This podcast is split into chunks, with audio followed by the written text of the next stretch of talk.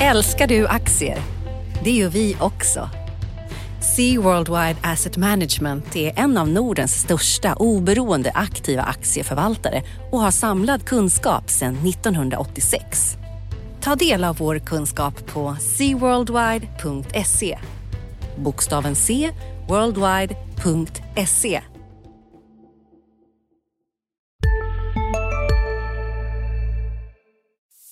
Som prenumerant på Dagens Industri får du tillgång till börsanalyser i världsklass. Följ frågorna som berör, lyfter och fördjupar. Bli prenumerant idag på di.se podderbjudande. På Dagens Industris konferens Retail på Sheraton i Stockholm den 11 april får du ta del av erfarenheter och tips från experter inom detaljhandeln. Lyssna till hur bland annat H&M Group, IKEA, Elgiganten, Clas Olsson och Coop möter framtidens kund i en digitaliserad värld. Var med och diskutera ämnen som nudging som konkurrensfördel, nyttan av att skapa valsituationer som knuffar kunden i rätt riktning, framtidens retail. Vad krävs för att vara förstahandsvalet för morgondagens kunder? Digital first. Så skapar du succé i varje kanal genom en homogen kundupplevelse. Välkommen till DI Konferens Retail den 11 april. Boka nu och säkra din plats på di.se konferens. Analyspodden från Dagens Industri. Hej och välkommen till Analyspodden. Det är fredag den 15 mars. Johan Wendel heter jag, analytiker och reporter på tidningen. Med mig live från Kalmar. Detta fäste i Sverige har jag också Uffe Pettersson, analytiker på tidningen. Välkommen Uffe! Tack ska du ha Johan. Hur är det med dig? Ja, men jag är väl ungefär som börsen, strax över nollan. Hur mår du? Ja, det är inte. Det var på vilket, vilket index man är. Den ena hade breda indexet upp eh, 0,14 i detta nu och det andra lite ner. Så du har rätt. Eh, det pendlar kring nollan. Nej, men det är bra. Det är ju fredag. Eh, helg väntar och sådär. Spännande tider på börsen och alla nyheter som kommer med Swedbank och sådär. Så det, det är sånt man gillar om man har det här yrket som du och jag har. Ja, det är inte helt fel att leva nu kan man ju säga. Eh, börsen har ju fortsatt upp här under veckan och vi inledde veckan med ett bud på it-konsultbolaget Acando från eh, CGI. Och eh, det är flera som spekulerar om att det kanske ska komma fler bud på de här bolagen i den här sektorn. Idag så har vi ju eh, stora händelsen är väl kanske Swedbank, det som händer där, eller vad säger du? Ja, det tycker jag. Det är absolut eh, det som eh, rör sig mest på marknaden idag är då H&M och deras försäljningssiffror för första kvartalet här. Men, men det är klart att sånt händer ju varje kvartal. Men att, eh, att, att Swedbank här har, verkar ha så att säga på något sätt har dolt sina problem i, i Baltikum är ju en större grej tycker jag. Även om börsrörelsen idag inte är så stor. Men den har ju varit betydligt större eh, tidigare här. Den är väl ner än 25 procent sen toppen i alla fall.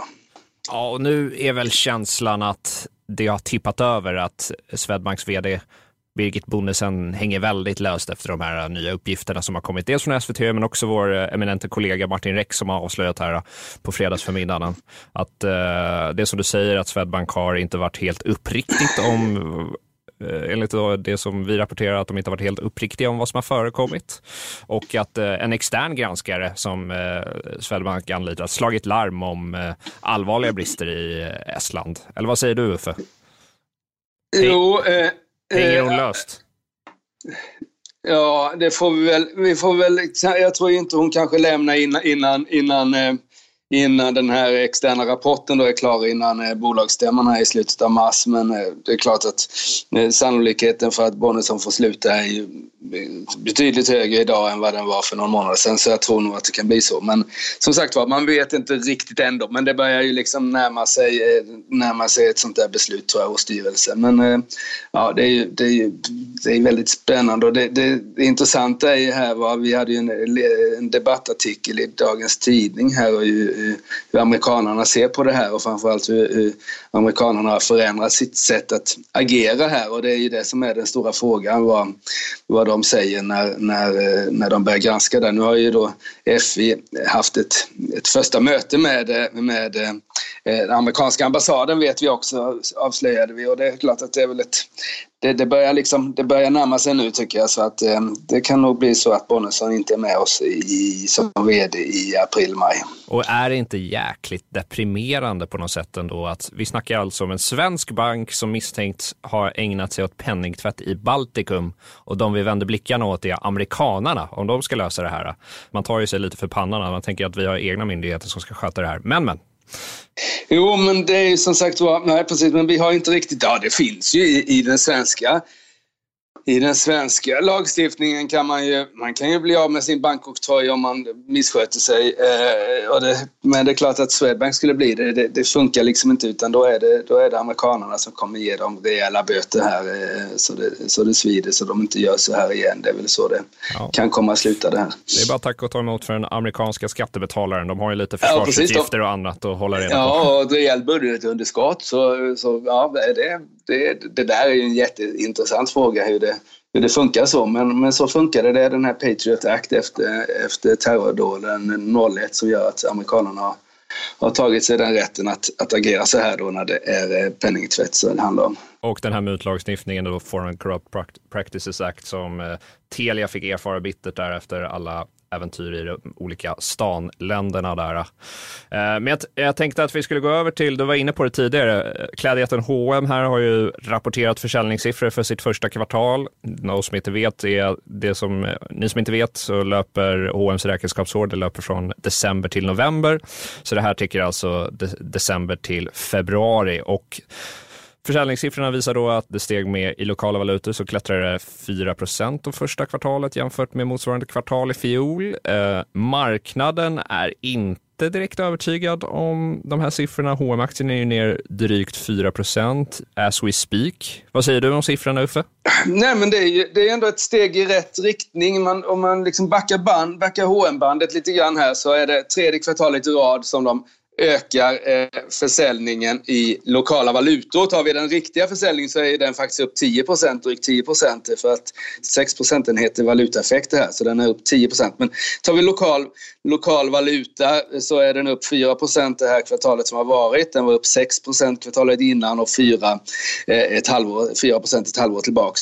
Så det här är tre kvartal då det går i rätt riktning. Tidigare så hade de ju oförändrad försäljning i lokal valuta till och med något kvartal med, med negativ, alltså försäljningsminskning på ett par procent. Så det går i rätt riktning, men det är klart att det är ju, man får ju komma ihåg också att H&M även om de har dragit ner på sin expansion lite grann, så har de 5-6 procent fler butiker idag än vad de hade för ett år sedan. Så i, i, i så att säga like-for-like-försäljning i, i befintligt butiksnät så är det väl i bästa fall oförändrat då. Och det är klart att det, det vill, de vill ju öka även den försäljningen. Så det är ett steg i rätt riktning men det, är ett, eh, det finns fler steg att ta för eh, Carl-Johan Persson för att han ska vara liksom riktigt nöjd tycker jag.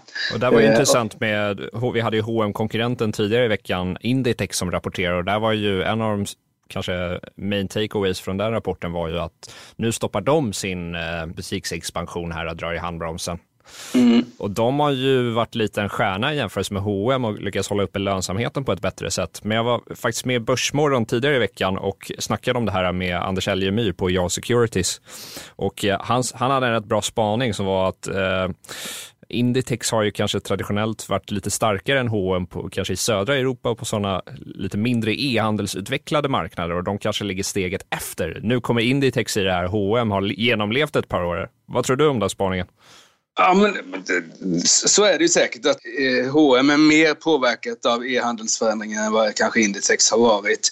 Eh, och tar man, eh, nu, har, nu får vi väldigt, får vi inte sådana här siffror men efter vad jag förstår så är det ju USA-marknaden är ju jobbig. Den har varit jobbig för, för för H&M till följd av att de hade logistikproblem där, vilket visade. Men även, även eh, alltså konkurrensen med handel är supertuff just i USA här. Så, så, och det, det kommer att bli en fråga för rapporten som kommer ett par veckor hur det går i USA. För det, de började ganska sent där i, i, i USA. Det var, det var i början av 2000-talet de satte upp sina första butiker där och så och jag tror de sitter på ganska dyra, dyra kontrakt där eh, eh, och så där som man nog försöker ta sig ur eh, för att den amerikanska klädmarknaden är inte rolig med tanke på den e-handel som sker, sker i USA. Nej, herr Bezos, Jeff Bezos, Amazons ägare och vd har ju en del med det att göra. Och vi får ju se mm. i rapporten för det första kvartalet som kommer sen vad H&M's lönsamhetsnivå landar på. De har ju ett problem med fallande marginaler, stort varulager också som de sannolikt behöver rea ut,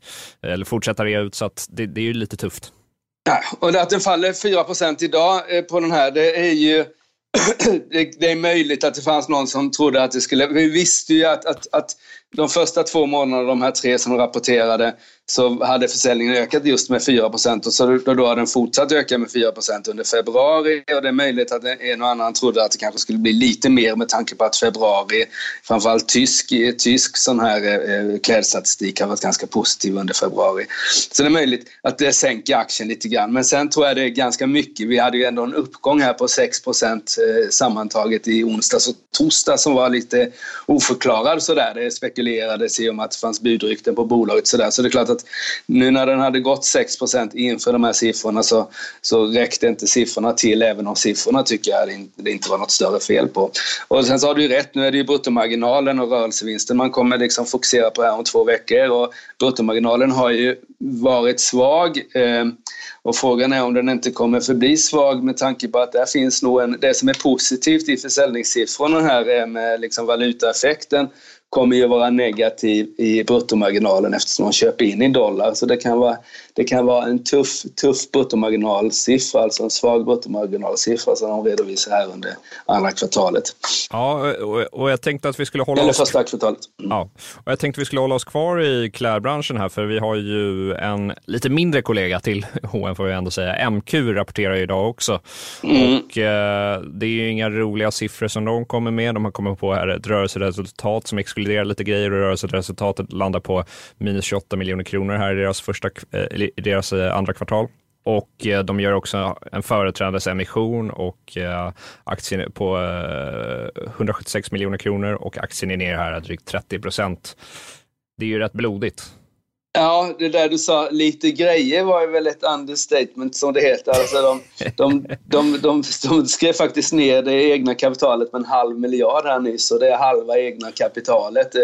Eh, eller ja, de hade ett eget kapital på en miljard och, skrev ner det med 5 miljoner, 500 miljoner så det är, en, det är en rejäl grej. Och det tar vi, men eh, som sagt var, eh, tar vi liksom den löpande verksamheten så är inte den heller rolig att vinsten, eller förlusten uppgår till 28 miljoner och en rejäl ökning jämfört med motsvarande period förra året. Och försäljningen i jämförbara butiker minskar med 5 och sen den här nyemissionen då, då på 176 miljoner eh, är ju en rejäl nyemission där alltså eh, aktieägarna får pynta in.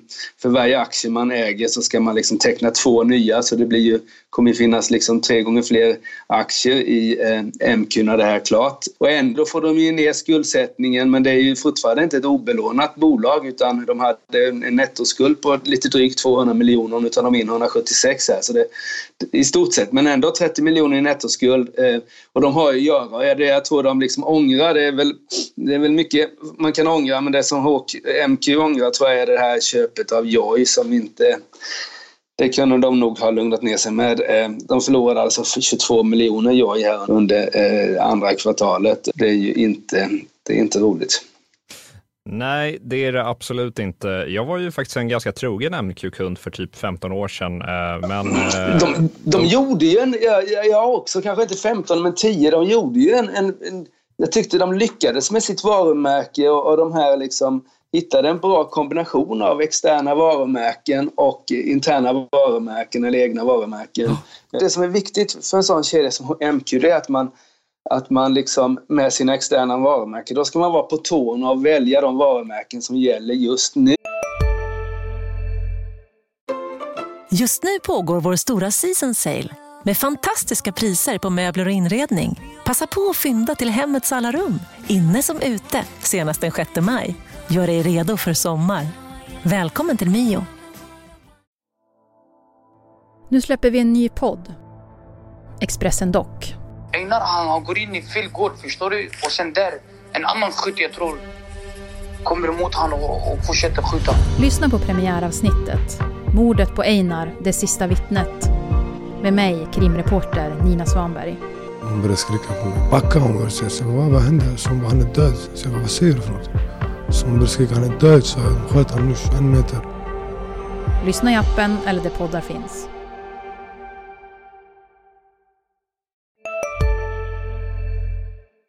Och det är inte riktigt säkert att de har liksom lyckats med det där sista tiden utan det är fortfarande när det var revival för för eh, eh Lylan Scott och lite sånt där, så var de ganska snabba på pucken. Men nu känns det liksom inte riktigt, riktigt så längre. Eh, Nej, de är inte eh, alls med liksom. Eh. Nej, och det är möjligt att de har liksom gått för långt också, att de har för mycket egna varumärken just för att det är det man tjänar mest pengar på. De har chansat lite där att försöka liksom få in folk i butiken ändå.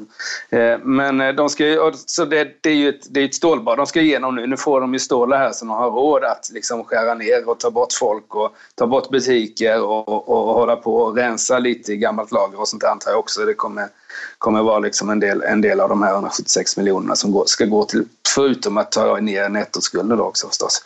Så, men aktien är ner 30 procent och det är ju, vi får väl se vad som händer. Jag tror det finns en och annan som, det är ganska många som säljer idag, men de som inte riktigt hinner sälja idag och inte är så sugna på att liksom, säga att du har liksom aktier för 10-20 000 i MQ, då är man inte så sugen på att liksom kasta in 40 000 då, eller du vet att, att bli tre gånger så stor ägare här. Så det finns nog en del som kommer sälja sina teckningsrätter också. Så det kan nog, eh, och det sänker ju aktiekursen. Så det kan nog, eh, det kan nog pågå ett tag det här. Det är ju 2,50 som är teckningskursen och den är nere i 4,70 nu. Så det, det finns lite fallhöjd kvar i förhållande till teckningsnivån trots att den faller 30 procent idag. Ja, det är väl ingen högoddsare att det kommer vara ett riktigt trist sentiment i den här äh, aktien en tid framöver. Alltså, det är ju det är en jobbig sektor helt enkelt ja, att vara inne i. Och nu kommer de ju här de andra. Nu, det är liksom eh, det som gör att vi pratar och skriver så mycket om klädhandlarna är dels för att det är liksom eh, konsumentprodukter. Det gör nog att vi liksom överskriver dem lite grann. Och sen så kommer de ju med sina rapporter precis i en, en, en tid när det är stilt i övrigt vad det gäller eh, resultatrapporter. Så nu kommer ju både Kappahl och R&B och de här eh, och så får vi se hur de, hur de har hanterat eh, senaste kvartalet. Det blir lite spännande. Ja, och det beror ju på att nästan alla de här, har, som du säger, de har ju då brutna räkenskapsår. Precis. Som inte, inte vet det. Ja, men jag tänkte vi skulle också bara beta av det, för vi har ju en liten, ett litet hm liknande bolag i Clas Olsson också faktiskt, eh, som mm. rapporterade tidigare i veckan och det var ju inga jätteroliga siffror där heller. De har ju tagit en, eh, en massa kostnader de ska stänga ner i Tyskland, de ska stänga ner i Storbritannien, så det är en hel del som belastade deras kvartalsresultat också. Men de hade ju en kapitalmarknadsdag i våras där de sa att eh, deras marginal ska ligga på 68 procent, alltså rörelsemarginal då. Men mm. att det komma, kommande två åren tror jag det är här, eh, så ska den vara 4 till 6 procent för att eh, man kommer investera i omställningsarbete och omstruktureringsprogram och så vidare.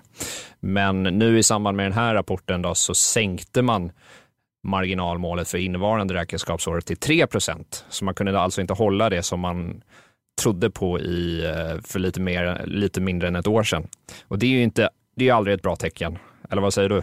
Nej, det är det inte. Och de, eh, eh, nej, och de har det är också e-handel och det, liksom, det ska göras om och sen så kan det väl vara, jag tycker, men jag har noterat också att även, även i Clas Olssons fall så är det ett bruttomarginalsproblem här. Den har gått från 42 till 39 procent senaste åren och var ju en besvikelse denna gången också. Eh, där har det nog ett problem, alltså det här med, eh, med svenska kronan som gör det mycket dyrare för dem, för de, de köper in allt utomlands egentligen. Och så. Ja, det var och, faktiskt en eh, sak som finanschefen tog upp på rapportkonferensen här. Han fick den frågan och då sa han att ja, men håller den här kronan i sig, då måste vi höja priserna. Liksom ja. alla andra, antagligen. Så ja, den här precis. svaga kronan är inte utan pris. Än så länge har man liksom tagit valuta, valutaförlusterna dit i egen bok, men det håller liksom inte längre utan eh, nu måste man höja priserna. Och det där tror jag, nu hade vi liksom svag inflation. Det var ju liksom det som var lite av nyheten på makrosidan i Sverige i alla fall här. Inflationen kom in på 1,9 långt under, under eh, Ingves prognos här. Men det är klart att ju längre tiden går så kommer väl sådana där bolag som, som eh, Clas Ohlson att hjälpa Ingves på, på vägen lite genom att höja priserna. För det, det måste de ju med tanke på att det slår så hårt på deras lönsamhet, den här kronförsvagningen. Och svenska medborgarna blir förlorare. Vi får dyrare varor och det blir dyrare semestrar. Det är trist. Ja, och eh, om vi ska liksom knyta ihop semester så har vi faktiskt eh, inte fått någon rapport än, för det kommer inte förrän på onsdag, men vi väntar ju in Skistars eh, halvårsrapport här. Eh, och Skistar har ju redan innan den där rapporten toppat tidningen genom att eh, Per Nuder fick gå på, på dagen här som styrelseordförande i bolaget. Eh, var du uppe i fjällen i, i, i vinter eller? Nej, jag måste erkänna att jag bara åkt skidor en gång. Det slutade med att jag körde in i ett träd på en skolresa och sen fick jag sitta och dricka O'boy resten av dagen. Så att, eh, begränsad erfarenhet. Men eh, det, det var ju onekligen ett drama. Vad är din take där? Då?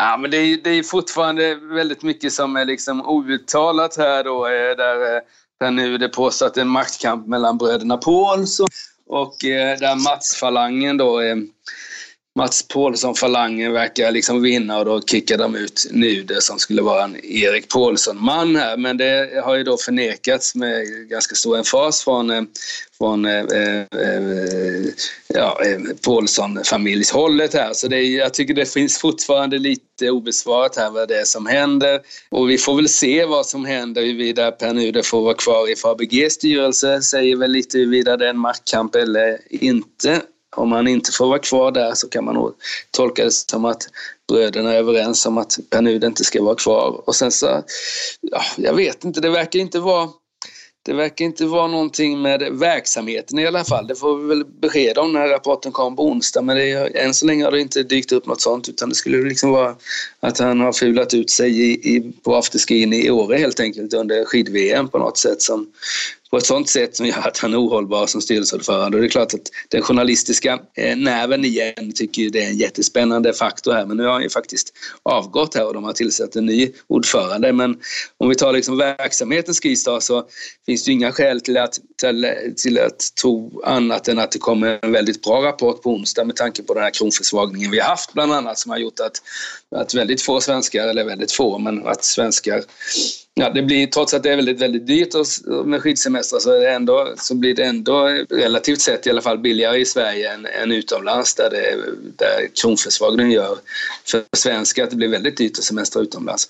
Så det kan göra något omvänt så kan det nog ha kommit in en del eh, så att säga, eh, utländska, utländska skidåkare också till backarna här under, under jul och nyår. Så det, eller nyår och, ja, jul, nyår och sportlov. Så det är ju det är intressant som sagt, jag har inte varit i fjällen så mycket, men man hör ju vad folk betalar där uppe och man ser ju hur Skistar utvecklas finansiellt sett. Det går inte annat än att imponeras av deras eh, finansiella utveckling och hur bra de sköter det där. Så att, som du säger, verksamheten i sig är svårt att hitta fel i väl? Nej, men de är ju i stort sett monopolister i svenska fjällen och eh, de utnyttjar det genom att eh, höja liftkortspriserna med dubbla och ibland tredubbla inflationen. Och sen så, eh, och då blir det ju väldigt, väldigt höga vinster. Sen så det som, aktiekursen är ganska seriöst värderad här också med P tal på en bit över 20. Och det, det, det, är klart att någon gång så liksom kan de inte ta ut mer priser för till slut så liksom tröttnar folk men eh, vi är inte där än och det är ganska många som har det som tradition att åka upp över påsk och, och ja, framförallt sportlov och nyår men eh, och det är klart att de lever högt på det. Nej men en sak jag tänkte på med det här nudedramat är ju att om eh, nu Nuder har eh, betett sig på ett eh, illa sätt, som ägare så bolaget har ju ändå lite stryk av den här negativa uppmärksamheten. Jag tänker, man kan ju prata om vad som är rätt moraliskt och vad som är rätt ur ett aktieägarperspektiv. Hade det inte bara varit bättre att liksom avpolitera nu där det är det tysta, skicka ut det där standardpressmeddelandet om att vi var inte överens om den strategiska inriktningen eller sådär. Eh, man vill inte säga att någon blev sparkad och så vidare. och så vidare. Ja, visst, det hade nog varit... Eh, nu har det inte, den har inte tagit jättemycket stryk här i veckan då, men, men eh, visst, det är, så, det är väl så det kanske brukar se till. Men jag antar att anledningen att inte ha gjort så här den här gången var väl att Nuder inte ville liksom gå med på det, utan han, han ansåg sig liksom eh, kunna vara kvar eh, och då då blir det liksom hårt, hårt mot hårt här mellan de där. Och jag, men jag tycker ändå att, att så, länge, så länge nu det liksom eh, säger att, att det är en maktstrid så, måste, så, så är det faktiskt en fråga som, som vi måste reda ut. Det är ändå 32 000 aktieägare vid sidan av familjen Paulssons olika bolag och de har ju rätt att veta huruvida det är en, en ägarstrid eller om det var liksom någonting annat och det där måste på något sätt komma fram och vi får väl se vad som händer i, i, i, i onsdagens halvårsrapport på Skistar. Jag antar att Mats Åjes kommer ju få frågor hur verksamheten har varit och han kommer få frågor hur, hur negativt det är att påsken ligger så sent om folk verkligen kommer åka upp till fjällen då eller om de liksom har tröttnat på vintern. Och så kommer han få frågor om Nuder och vad det betyder. Eh, Eh, för Nuder och eh, Mats Åjes, VD på Skistar, är de som har suttit solklart längst i den här styrelsen. De är ju de enda egentligen som har suttit med här nästan. Ja, Åjes har ju varit med i nästan 20 år och, eh, Nuder har ju suttit med i nästan 10 år så det är klart att det kommer nog vara en fråga. Så får vi väl se vad Mats Åjes säger. Det ska bli lite intressant om han säger något överhuvudtaget. Det är inte säkert. Förlåt att jag är fascinerad av det här, men... Ja. Jo, men det är, det är spännande. Alltså, det är ju ändå Per Nu, det är ju liksom en gammal finansminister och är liksom... Eh, och han är krönikör i vår tidning och sådär. Så det är klart att och, och sitter med i Skistar är ju jättespännande. Men han sitter ju med i liksom, ska vi säga, tyngre grejer och är med för tredje AP-fonden också. Så det är klart att det här jag, jag, jag håller det inte för uteslutet att vi kommer liksom nämna Nuder i tidningarna kommande vecka också eftersom eh, det pågår väl liksom eh, ett arbete även i de andra styrelserna där han sitter huruvida han kan vara kvar där eller inte. Ja, äh, det blir högoktanig spänning faktiskt. Du, eh, jag tänkte att vi skulle runda av där. Då. Tänkte bara att vi skulle avsluta med att pusha lite för våra andra produkter här. Vi har ju andra poddar, vi har Förnuft och känsla, vi har Digitalpodden, vi ska också passa på att pusha för faktiskt att Morgonkoll, den här eh, morgonuppdateringen man kan få vakna till av, den kan man ju också få som podd faktiskt. Man kan få Ekonomistudion som podd. Så att uh, skippa jobba, det är bara att lyssna på oss istället. Eller vad säger du? Ja, man ska inte strejka utan man ska lyssna på DIs poddar här eh, för fullt hela, hela dagen och hela helgen. Exakt, och bästa nyheterna här faktiskt kanske väl är att uh, Börsrådet gör comeback. Uh, med, Just det, det Eh, det här eh, fantastiska börsprogrammet. Så det kommer idag och jag vet inte om det kommer från podd faktiskt, men det borde det, borde ja, det gör det säkert det. också. Allt, Eminenta... allt, ska vara podd nu. allt ska vara podd nu och det är en intressant utveckling. Jag lyssnar faktiskt en hel del på båda. Det är, eh, TV är ju fantastiskt också, men, men podd eh, har hittat sin nisch tror jag i vår, i vår förändliga medievärld. Ja, definitivt. Jag glöm inte bort att kolla in Börsrådet och med Anna Ekelund i den här veckan. Sen framöver kommer också vara vår kollega Henrik Mittelman som roddar det. Men du, då ska vi släppa iväg till helgen. Tack så ja. mycket för att ni lyssnade. Ha det bra. Ta och tack ska du ha Johan. Tack. Hej. Hej. Analyspodden från Dagens Industri. Programmet redigerades av Umami Produktion. Ansvarig utgivare Peter Fellman. På Dagens Industris konferens Retail på Sheraton i Stockholm den 11 april får du ta del av erfarenheter och tips från experter inom detaljhandeln. Lyssna till hur bland annat H&M Group, IKEA, Elgiganten, Clas Olsson och Coop möter framtidens kund i en digitaliserad värld. Var med och diskutera ämnen som nudging som konkurrensfördel, nyttan av att skapa valsituationer som knuffar kunden i rätt riktning, framtidens retail. Vad krävs för att vara förstahandsvalet för morgondagens kunder? Digital first. Så skapar du succé i varje kanal genom en homogen kundupplevelse. Välkommen till DI Konferens Retail den 11 april. Boka nu och säkra din plats på di.se konferens. Som prenumerant på Dagens Industri får du tillgång till börsanalyser i världsklass. Följ frågorna som berör, lyfter och fördjupar. Bli prenumerant idag på di.se podderbjudande.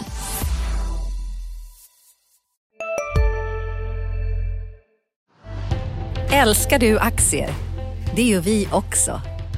Sea Worldwide Asset Management är en av Nordens största oberoende aktiva aktieförvaltare och har samlad kunskap sedan 1986.